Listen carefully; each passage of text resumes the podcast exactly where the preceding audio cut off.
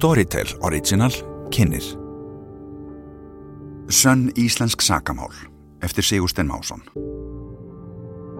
Harmleikur á Hagamell Fyrir hluti.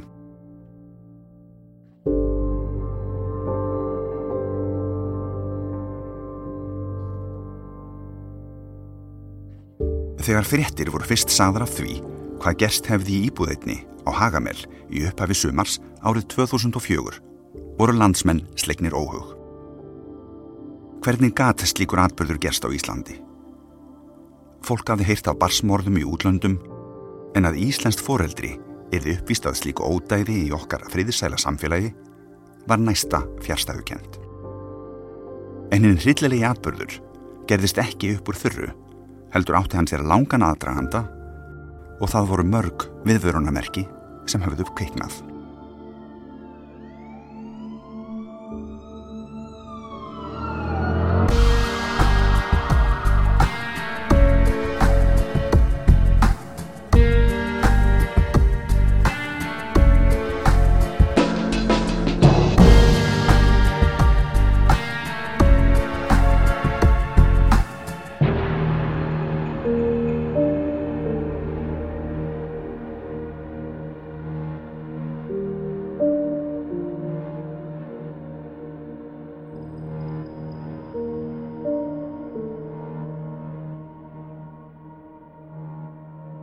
Móður 14 ára pilts brá heldur betur í brún eldsnemma morguns þann 30. mæ þegar hringt var á dyrabjöklu á fjölbílishúsinu í Vesturbæ Reykjavíkur þar sem fjölskyldan bjó. Þegar hún svaraði í dyrasíman heyrði hún vin sonar síns sem var á sama aldri og hann segja máttförnum rómi að hann væri í vandræðum og baðum að fá að koma inn. Það fór ekkert á milli mála af eitthvað hræðilegt hafi gerst þegar vinurinn skólaus, berfættur og nærbuksum einum fata kom upp stegagangin. Hann hjælt um síðun á sér, var mjög blóðugur og virtist illa særður. Þegar þau spurðu drengin hvað gerst hefði, sagði hann að móður sín hefði stungið sig með nýfi. Drengurinn hafði gengið svona á sig komin um 250 metra leið. Í talsverðu áfalli eðlilega yfir því sem hún heyrði og var að upplifa vafði móður vinnarins Einar Hildarsson handklæðum og ringdi án tafar í 112. Eftir að lögregla kom á vettvang gat hún að rakið slóðina sem Einar hafði gengið allarleið heim til hans og var ljóst að pilturinn hafði mist mikið blóð. Ég var svolítið að hugsa hvert ég gæti farið og náttúrulega út af að það var svolítið búið að imprenta í manna treyst ekki öllum þá hérna fannst mér, ég þekkti alveg fólk fyrir ofa mig og í næsta húsi og þannig en ég hugsaði bara að það væri best fyrir mig að fara heim til hérna, besta vinnu míns og hérna lappa sem sagt þangað og dingla dingla þar og mamman svarar og ég segi þetta sé ég og hérna ég sé í smá vesinni.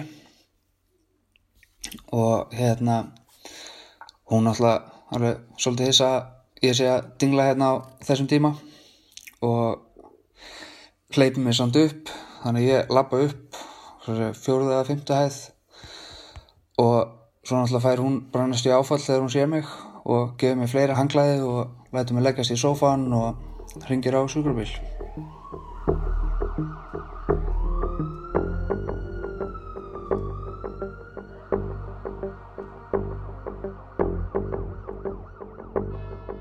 Þann fjóruða april, tæpum tveimur mánuðum fyrir nóttina örlegaríku, fermdist Einar í Dómkirkjunni hjá sér að hjálmar í Jónssoni. Einar var eignin skýrður í þeirri sömu kirkju, eins og sýstir hans, Guðni Hödd Hildardóttir, en hún var tveimur árum yngri en Einar. Einar segir hjálmar hafa verið eins konar fjölskylduprest í gegnum árin sem amma hans og afi leituð einning til. Hildur Árdís, móðir hans, vildi að einar erði fermdur í domkirkjunni.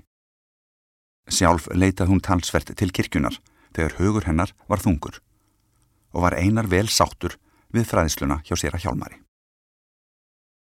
Það var náttúrulega búið að vera alveg rosa mikið í gangi.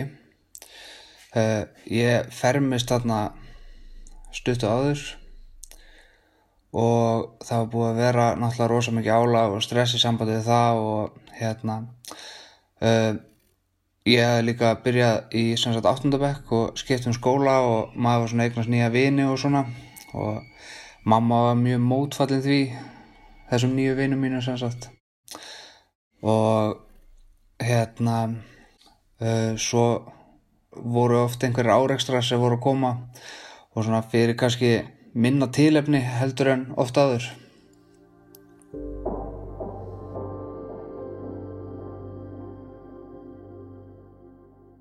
Einar hafði hlakkað til fermingarinnar og var eins og flestir aðrir, jafnaldrar hans, spenntur að fá gjafir og peninga til að kaupa hluti sem hann vantaði og langaði í. Hann langaði að kaupa tölvu, spila leiki og fara á internetið, enda tölvan hans gömul og úr sér gengin. Hann hafði nokkru áður skipt um skóla og gengið í gegnum þá aðlugun sem því fyldi á samt því að kynast nýjum skólafélugum en einar var félagslindur af eðlisfari og eignaðist fljótt vini sem hann tristi. Svo hófsemt, hlýja og einlægni sem einkennir hann, auðveldaði honum að kynast nýju fólki. Hann forðaðist þó alltaf að fara með vini sína heim til sín, ef skekkinni að illa læja móður hans, en fór heldur heim til þeirra. Hann segir að þessar vikur hafi ekkert sérstatt bent til þess að eitthvað verulega slæmt væri um það bil að fara að gerast.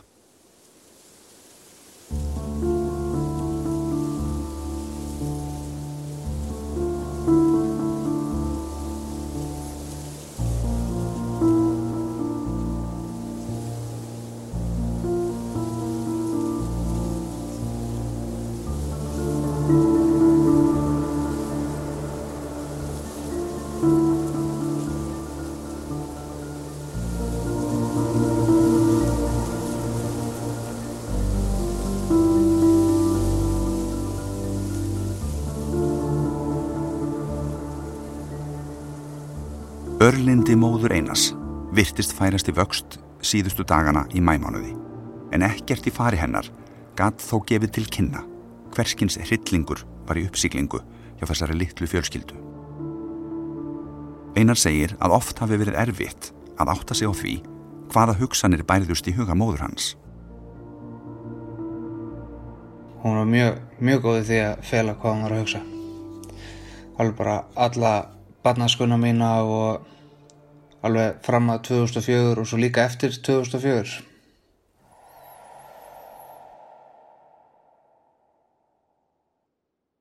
Eftir fermingu Einars í april 2004 urðu sífælt fleiri árekstrar á milli þeirra maðginana og deilurnar jökust meðal annars út af ráðstöfun fermingarpenninga hans.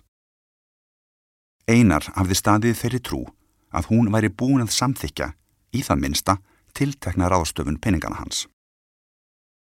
Eh, hafði mamma sagt að hún ætlaði að kaupa fyrir mig skó. Og því að skótni mínu voru úr sig gengnir og hérna uh, svo vorum við búin að sættast um það hvernig skóur þetta að vera. Svo förum við í búðina og þá allt í hennu hættur hún við og hérna uh, þá sem sagt í rauninni hef ég bara þess að úr sig gegnum skó og hún er svo ósátt við mig því ég vill ekki fá síðan einhverja aðra skó þannig að hún hendir hinum skónum mínum. Og hérna svo skrifar hún einmitt um þetta í endur minningum sínum svona sem að ég hef verið að lesa. Og já þá hérna skrifar hún að ég hef átt fullt af skóm en þetta endaði eitt skipti með því að ég lappaði á sokkunum heim til góðsvina míns. Og ég held einmitt að hérna mamma hafi síðan frétt af því út af því að hérna, hún skrifa líka þessum endurminningum að ég hef verið að ljúa fólki að ég ætti enga skó. Hann segist hafa lesið ímislegt verra sem móðir hans hafi skrifað en þetta. Þannig að þótt að hennar veruleiki hafi kannski ekki verið réttur, þú veist, þá var þetta samt hennar veruleiki sem alltaf gerða það líka mjög erfitt að reyna rökraða hlutin eitthvað við hana, þú veist, því að hún virkilega, virkilega trúði að hlutni væru eins og hún segja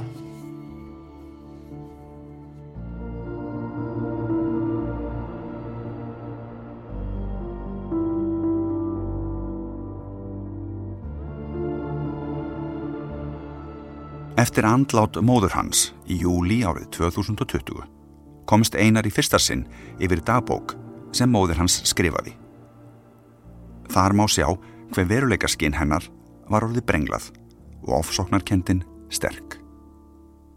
En við lestur fæslana varð einari einnig fyrst almenlega ljóst hver djúft ránkugmyndir móður hans ristu. Nánar um það síðar.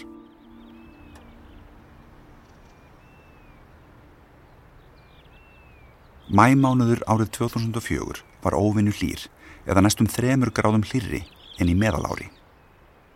Leita þurfti aftur til ásins 1960 eftir jafn hlýjum mæmánuði í höfuborginni og apríl var sömuleiðis í heitaræðlægi. Apríl var sérstaklega bjartur. Þótt sólinn hafi reyndar ekki sérst meira í Reykjavík það vor en í meðalári. Mánuðurinn leið stór áfallalust hjá þryggjamanna fjölskyldunni á Hagamell en ránkugmyndir móðurinnar voru einhvað síður komnar á mikill flög. Þótt fæstir eru þess varir. Á þessum tíma var hún með miklar ágjur af að það var alltaf einhver hérna, maður á rauðum bíl sem var eld okkur út um allt og hérna uh, ég hef náttúrulega hafði heyrt hann að tala eitthvað um þetta en svo hérna þegar ég var að lesa yfir endurminningarinn og þá tala hann um það að þessi maður á þessum rauða bíl hafi reynd að keira hann og sýstu mína nýður einn daginn og hann hafi verið búin að elda þér hann og elda okkur öll í hann einhverja vikur sko. Ég er náttúrulega mann ekki eftir að hafa séð eitthvað sérstaklega rauðan bíl sem hafi verið að elda okkur og ég man ekkert eftir að hafa heyrt að það hefði einhver reynd að keira þér nýður Einar segist hafa reynd eins og hann gat að komast hjá því að fá vini sína heim til sín en valdi heldur að vera hjá þeim. Þú veist ég er náttúrulega bara að fara að hunsa þetta maður var náttúrulega bara að byrja að vera miklu minna heima maður reyndi bara að vera úti eins og allir uh, útivistatímar og aðrir útivistatímar leiðu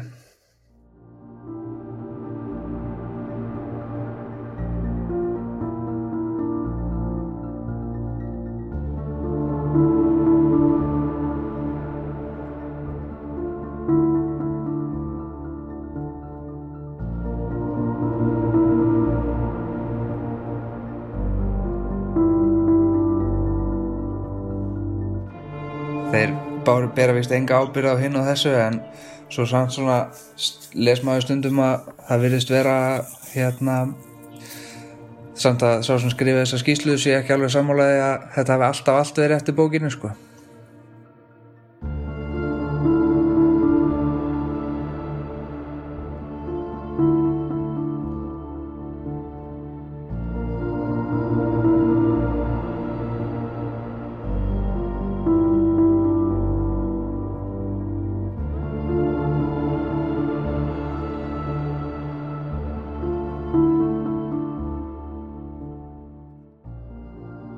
Þrettán árum fyrir hinn að örlega ríku nótt í loka mæmánadar 2004 eða árið 1991 var ljóst að Hildur Árdís ætti ákaflega erfitt með að rækja móðurhlutverkið sitt með viðunandi hætti. Þá var Hildur enn í sambandi við föður Einas og bjó með honum í fríríkinu Kristjaníu en fadurinn hafði lengst af búið í Danmörku. Þau voru bæði tvö í mikilli óreglu.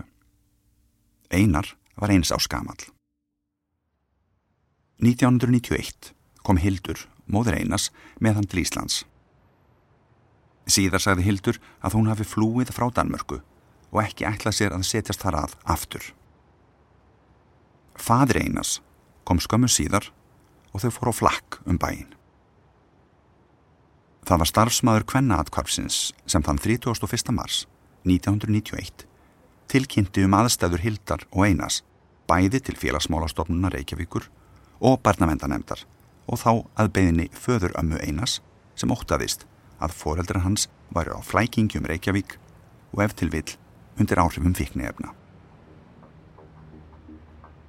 Í mars 1991 fór Hildur Árdís, móðir Einars, sjálf í stuttaferð til Köpnharnar en í júni sama ár snýru aðstandendur Hildar sér til félagsmála yfirvalda í því skyni að komi veg fyrir að hún reyndi að taka són sinn aftur með sér þangað.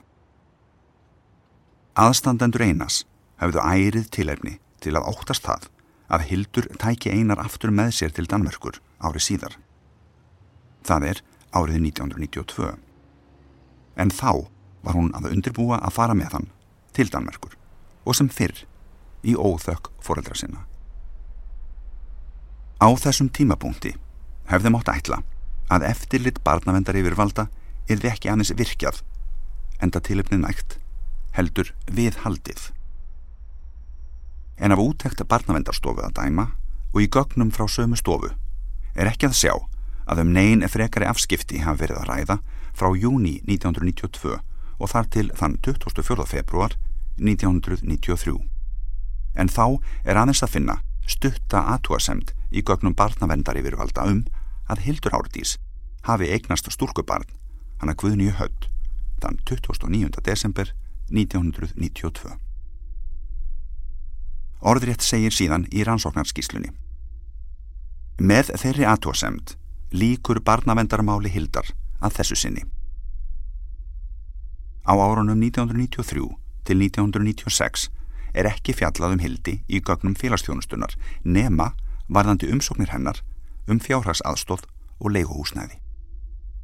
Kvork er útskýrt í hverju afskipti barnavendar yfirvalda af Hildi fólust fram á mitt ár 1992 nýja á hvaða forsendum málinu er lokað snemma árs 1993 án þess reyndar að nokkur afskipti eða eftirlit hafi verið af hildi allan þennan tíma. Ætlam á að frekar hafi verið tilefni til að auka stöðning og eftirlit með fjölskyldunni nú þegar Hildur var komin með annað barn, heldur en að einfaldlega loka máli hennar.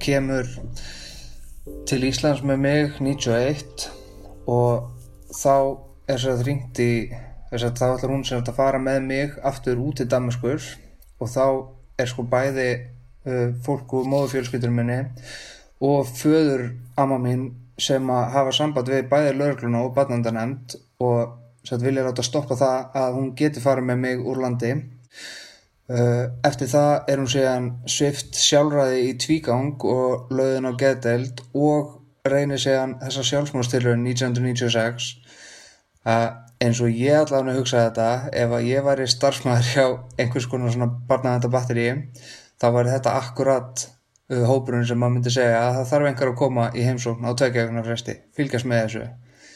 Því að veist, þetta er ekki eins og þetta hefur komið bara einn daginn allt hafi verið góðu svo bara 30. mæ þá hafi bara oh, shit, allt í ruggli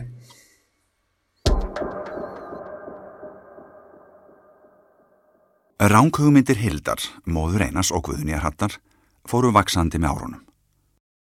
Það virtist vera að nokkuð stöðugt og ákveðið þema byrtist í veikindaköflunum sem voru gjarnan næsta samfeldir.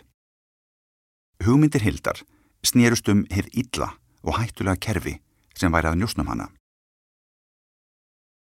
Ránkomiðunarinnar snýrust að miklu leiti um eitthvað kerfi sem var svo sem ekkert skilgreint frekar heldur en bara kerfið sem væri að fylgjast með okkur og væri alltaf að hérna, reyna að stýja okkur í sundur og skemma fyrir okkur og það væri eh, myndavilar og mikrofónar heima hjá okkur og fólk sem væri nær umhverju okkar væri útsendarar fyrir þetta kerfi og já.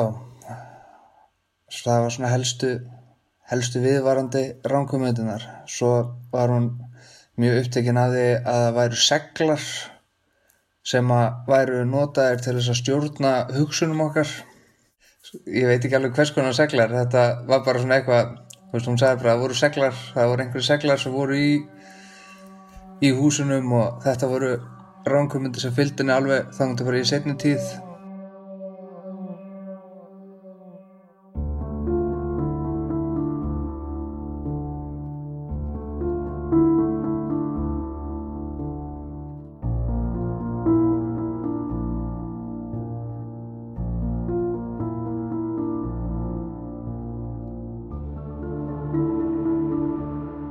Einar segist enga skýringu hafa fengið á afskiptalessi yfirvalda en vonar að svo skýring fáist einhver tíman.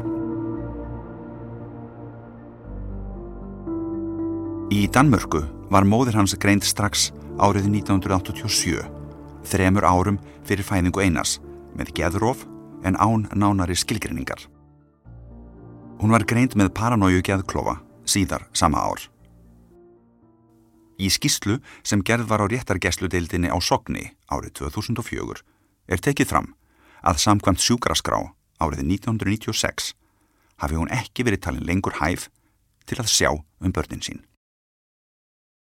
1997 þá eru við sendt aftur til hennar og það var kannski meira bara svona þegar hún var tilbúin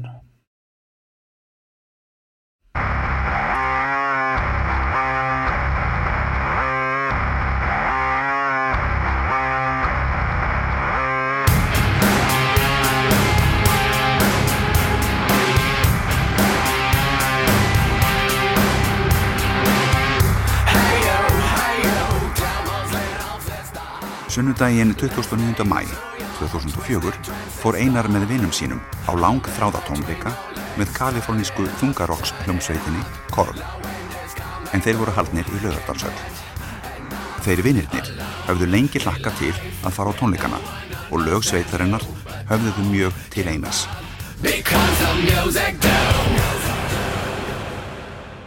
Forsbrakki Korn, söngvarinn Jonathan Davies lísti því í viðtali árið 2020 hvernig þjáning, áföll og tilfinningalegir erfiðleikar hefðu mikil áhrif á tónlist sveitarinnar.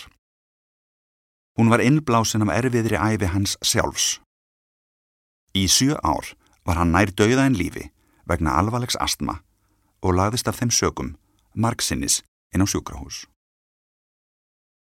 Jonathan, sem var um tíma í mikilli fíknefna neyslu, sagði frá því að hann hefði lendi í alvarlegu einelti í skóla vegna aðdánar sinnar á Duran Duran og tónlistarstíls sem hann á þeim árum þróaði út frá tónlistbresku sveitarinnar.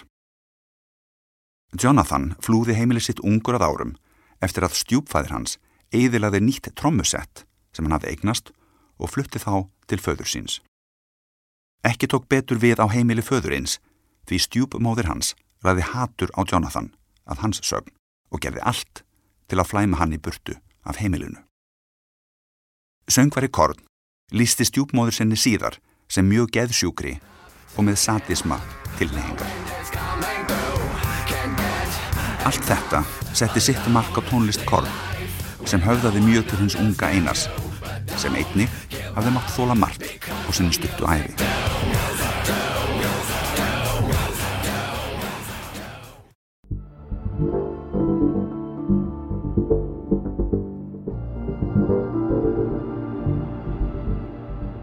Eftirvæntingin á sunnudeginum var mikil. Einar og félagar hans höfðu nokkru áður beðið í langri röð fyrir utan skífuna á laugaveginum til að kaupa miða í forsölu og miðarnir á þungarokks tónleikana röku út eins og heitar lumur. Fram að því veit ég ekki hversu oft mamma var búin að ákvæða það að ég fengi ekki að fara og hætti svo við og ákvæða að ég fengi að fara en það enda á því að þennan dag fekk ég að fara.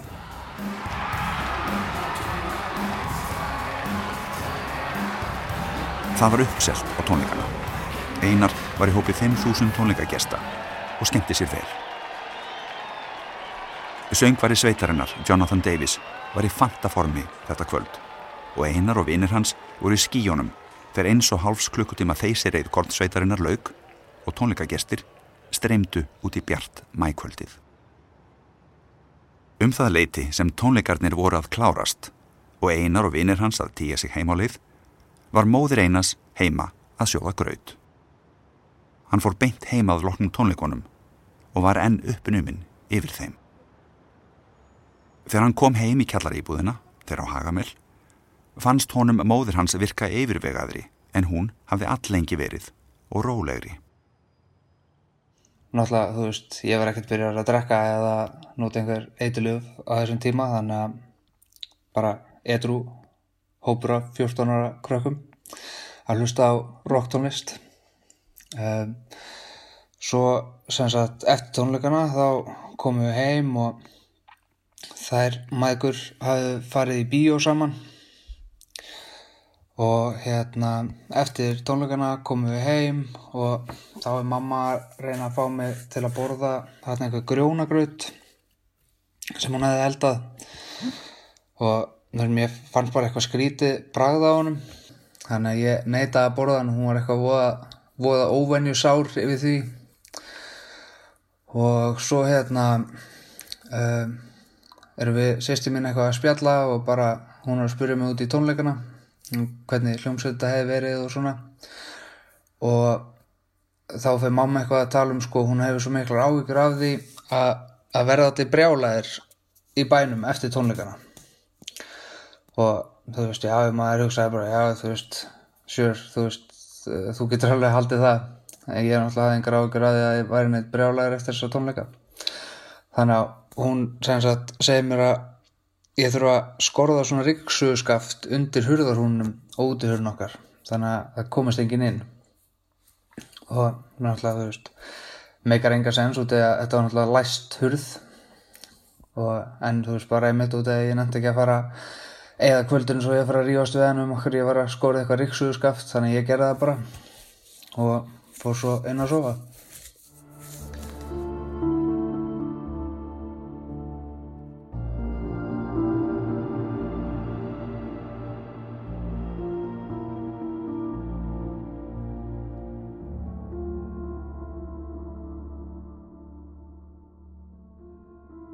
hún virkaði nefnilega alveg mjög yfirvöðu þú veist, fyrir utan hvað þetta var skringileg beini og fyrir utan hvað hann var óvinni sári verið ég ætlaði ekki að borða hennan grjónagraut að þá svona allt annað eftir tónleikana þá virtust hún nefnist bara vera kannski mesta jafnvægi sem hún hefði verið í svolítinn tíma sko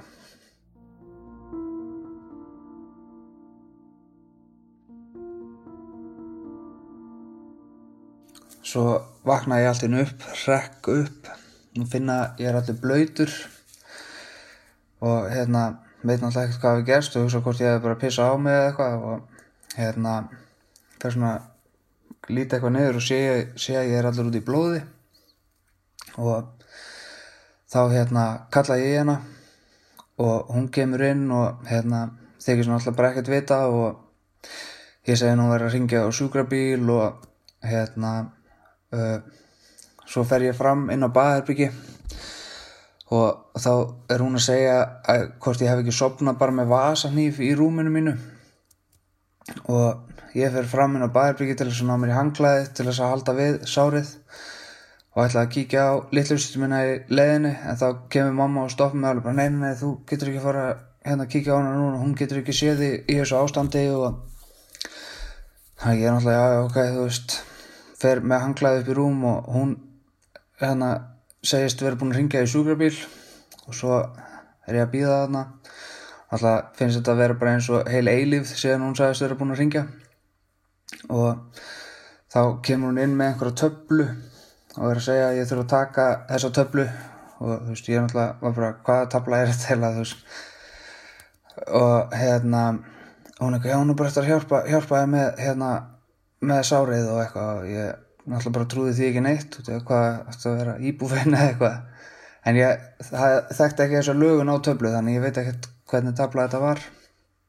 Og þá var hún eitthvað hérna fór aftur fram í eldús og kemur svo tilbaka og heldur svona stórum hníf svona hálfpartinn fyrir aftan bak en svona samt næstu í meðfram síðunni.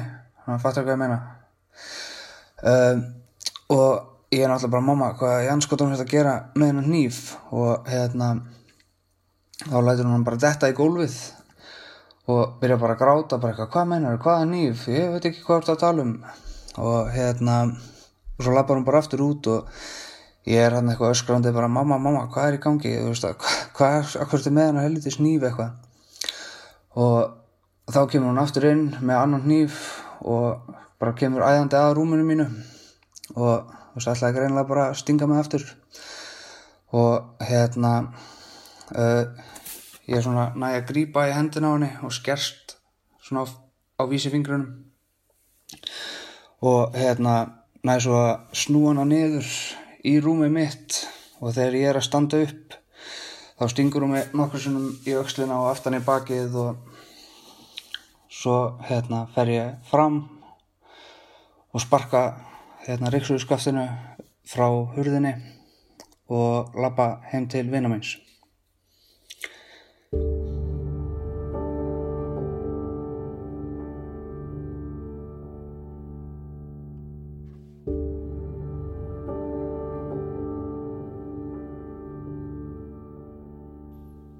Ég fann ekki fyrir neinum verkum nema þegar hún var að draga nýfinn tilbaka. Þá fann ég einhvers svona eins og bruna eða eitthvað, en ég held að adrenalínu hafi bara tekið yfir þetta allt. Og ég raun og veru manni ekki eftir að finna fyrir neinum verkum bara nema þessum bruna þegar hún var að draga nýfinn tilbaka. Lögreglan hefur í dag yfirheyrt konuna sem grunnið er um að hafa orðið 11 ára dóttur sinni að bana og sært 14 ára són sinn alvarlega í Vesturbæri Reykjavíkur í fyrirnótt. Prestarnir í Neskirkju heimsóttu í dag Mela og Hagaskóla og töluðu við bekkjarfélaga sístkinnana. Við reynum að eh, svara spurningum barnana eftir því sem hægt er. Sumu getum við ekki svarað og við segjum um það. Mestumáli skiptir að segja börnum rétt og satt frá og segja aðeins það sem maður veit og viðurkenna það að maður getur ekki svarað öðru.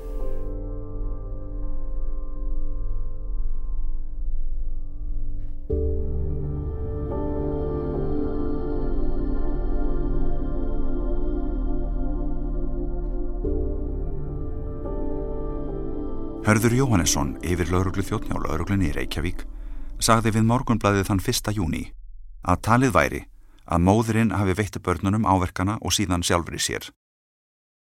Hún hafi þá verið úrskurðuð í gæsluvarðald til 14. júni og henni gert að sæta geðrannsókn. Einar man ekki mikið eftir fyrstu sólarhingunum á sjúkrahúsinu í júnibyrjun 2004.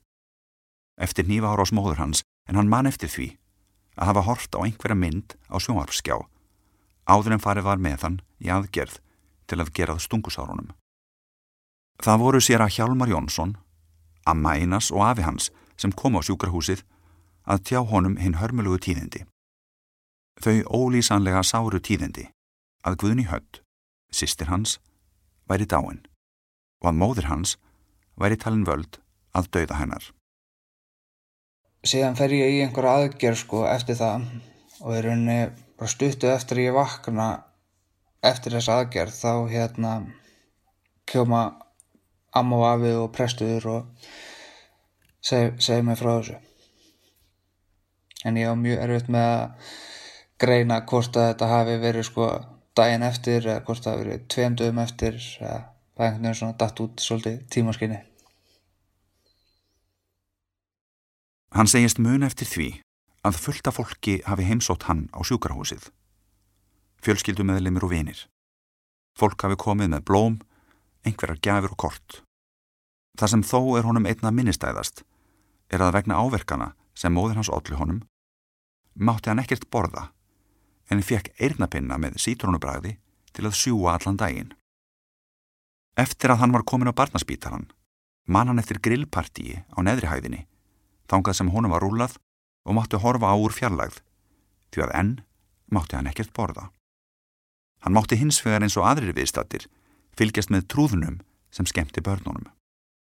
Loksins, þegar hann mátti borða, spurðu tvær frængur hans hvað hann vildi að þær færðu honum.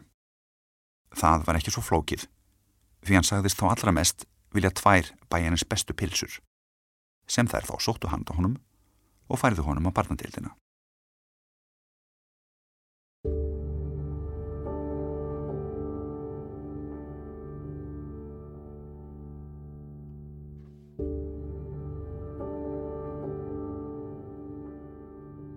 Hann man nánast ekkert eftir því þegar lauruglan tók skýrslu af honum á sjúkrahúsinu um atbyrðin. En hann telur að skýrslutakan hafi farið fram annan júni, einum og halvum degi eftir morðið. Á þeim tímapunkti mátti hann ekki enn borða vegna áverkana. En mér skilst að það hefði átt að vera lögreglumæður, eða allavega einn lögreglumæður ef ekki tveir og fulltrúi barnavendanemdar og einhverju fleiri og tekið upp á vídeo ég man ekkert eftir neina þessu sko Hann segist að var skilið það sem hún var sagt að gerst hefði, þótt hann hafi ekki meðtekið það almenlega á þeirri stundu. Mm, já, ég skildi það alveg, en eða þú veist, ég skildi náttúrulega alveg hvað hefði gerst fyrir mig og þá náttúrulega fannst mér auðvöldar að trúa því að þetta hefði gerst fyrir sýstu mínu líka. En mér náttúrulega langaði ekki til þess að trúa því og í raun og veru þá var ég alltaf að býða eftir því að hérna, uh, einhver myndi koma og segja mér að þetta væri bara eitthvað grín og hérna alveg bara þá til ég sá hana í kistulagningunni. Og þá allt í nú svona fegð maður svona bara bæm, þetta er alvöru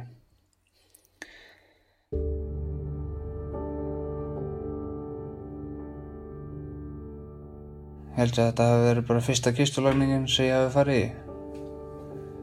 Og kannski hvort ég hefði farið í eina eina, kannski tvær jarðafarir og hjá þá einhverjum svona þú veist, fjarskildum ættingu sem maður sem maður þekkti að líti þannig að þetta var náttúrulega mjög erfitt og mjög órunverulegu tími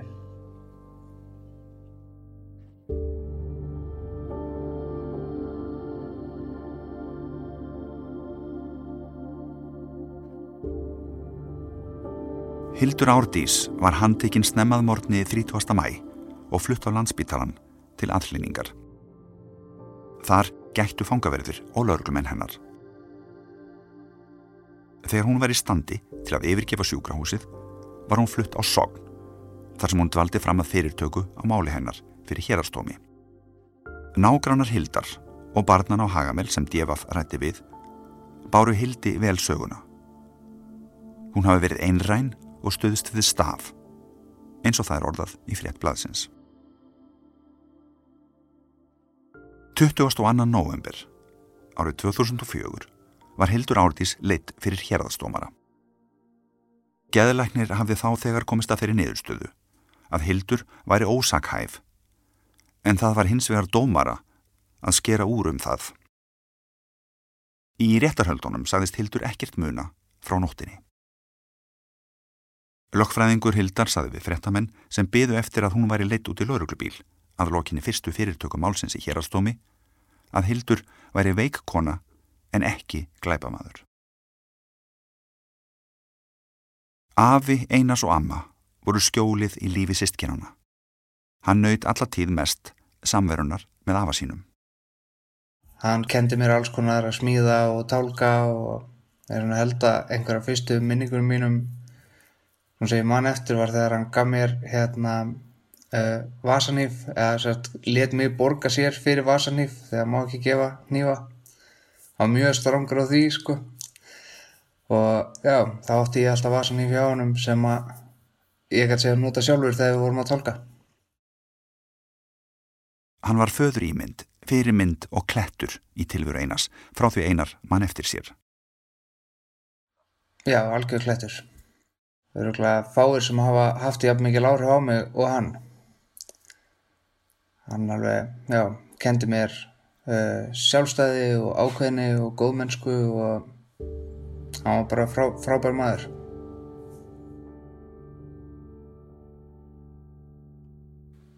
Ég hugsa alltaf mjög hlýlega til hans.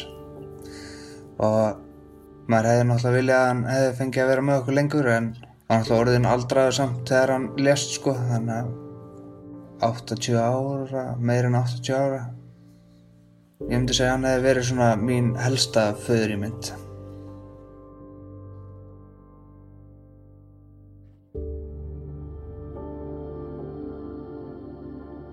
Tilfinningar einars í garð móður sinnar urðu æði blendnar eftir 8 ára aldurinn eða frá því að hann fór að átta sig á því að hugmyndir hennar ættu oft ekki við rauk að styðjast.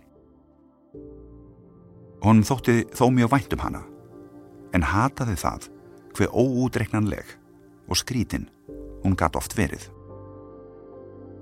Réttarhöldin yfir Hildi Árdísi voru lokuð fjölmeirum en hún var í februar árið 2005 dæmt ósakhæf og til áframhaldandi gæstlu og meðferðar á réttargeðdildinni á sogni. Svo þegar veikindin voru ekki svona allsráðandi, þetta er svona mjög svona fjöl, fjölþætti veikindi, þannig að þótt að kannski um, ránkvömyndirnar og þetta hafi verið í einhverju lámarki að þá náttúrulega var hún oft búið þung og hérna en hún var búið góð og veist, var í rauninni alltaf góð líka þótt hún væri með ránkvömyndir Einar segir sýstur sína, Guðnýju Hött heitna, hafa verið mjög indæla mannesku. Hún var mikill einfari, um, áttur samt góða vinkonur líka. Hún og mamma voru rosa nánar. Uh, hún elskaði dýr, elskaði að skrifa sögur og semja ljóð. Um, hún vildi miklu frekar vera bara heima að knúsa kötti sinn frekar heldur en vendulega vera út að leika sér. Þóttinni að það finnist það alveg gaman líka. En já, hún var svolítið spes, spes típa. Hún væri örgulega ske, skemmtilegu karakter ef hún hefði fengið að lifa.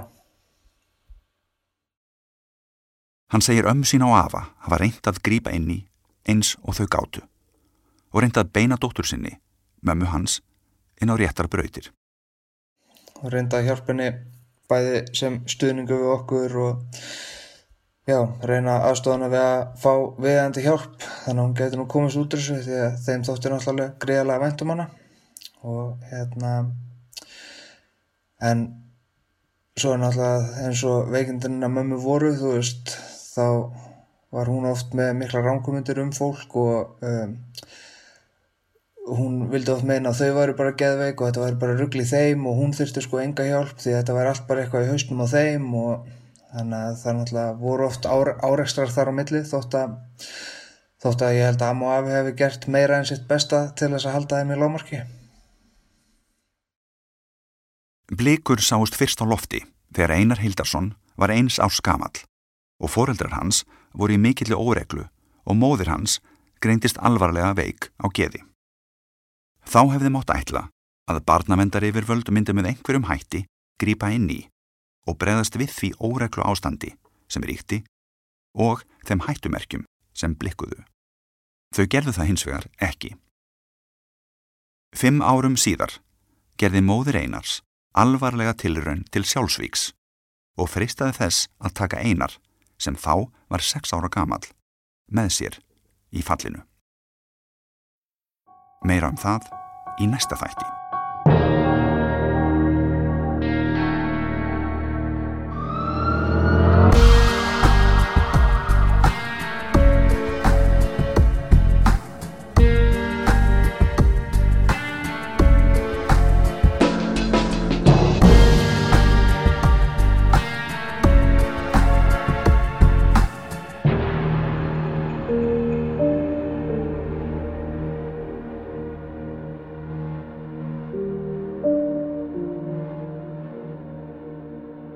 Þú varst að hlusta á sönn íslensk sagamál, harmleikur á Hagamel, fyrir hluta, eftir Sigurstein Másson og í lestri höfundar. Þátturinn var framleitur af Storyside árið 2020.